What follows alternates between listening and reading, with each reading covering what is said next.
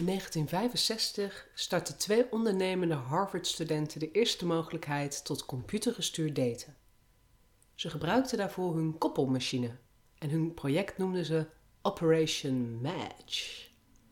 Het duurde nog 30 jaar voordat online daten commercieel mogelijk was. In 1995 lanceerde Match.com het eerste datingwebsite. En sinds 1998 zoeken ook Nederlanders hun partner online. Met de groei van sociale media zorgden millennials ervoor dat online daten voor niemand meer taboe was.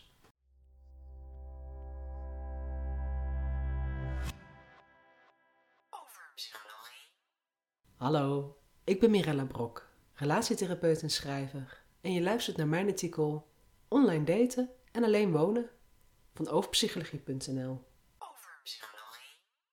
Nou, dat was toen. En nu is het 2022. Nederlanders daten al meer dan 20 jaar online. En wat brengt online daten de ongewenste alleenstaande tot nu toe? Nou, dat hoor je in dit artikel. Je hoort verschillende cijfers en over psychologie interpreteerde ze voor je. De onderzoekscijfers achter online daten. 60% van de respondenten die graag iemand zouden willen ontmoeten via een datingapp komt in het alledaagse sociale verkeer geen dates tegen. De helft van bijna 3 miljoen vrijgezellen in Nederland wil een partner ontmoeten en daten daarom actief.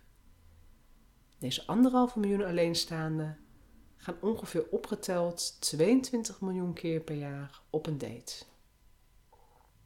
Hoewel 60% van de vrijgezellen niemand ontmoet in het alledaagse sociale verkeer, heeft 30% van de vrijgezellen toch twee dates per jaar zonder online hulp.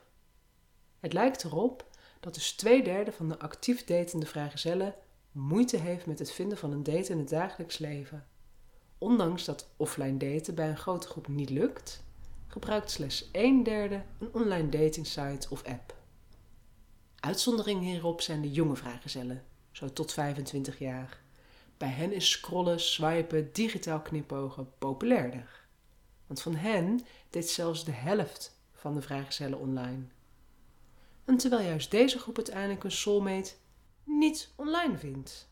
En het zijn namelijk de ouderen die hun nieuwe partners vaker online vinden. Want de groep die elkaar online ontmoeten, daarvan is 58% ouder dan 40 jaar. Ondertussen ontmoeten steeds meer mensen die gaan samenwonen elkaar online.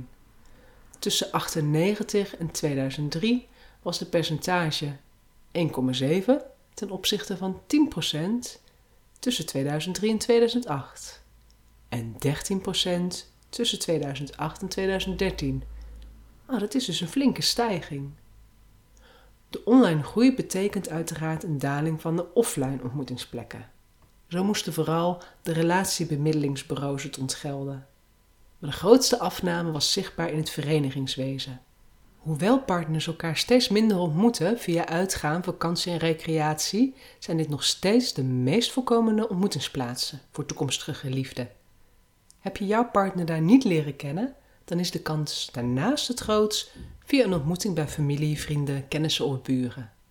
Een derde goede plek om de liefde van je leven te ontmoeten is je werkplek.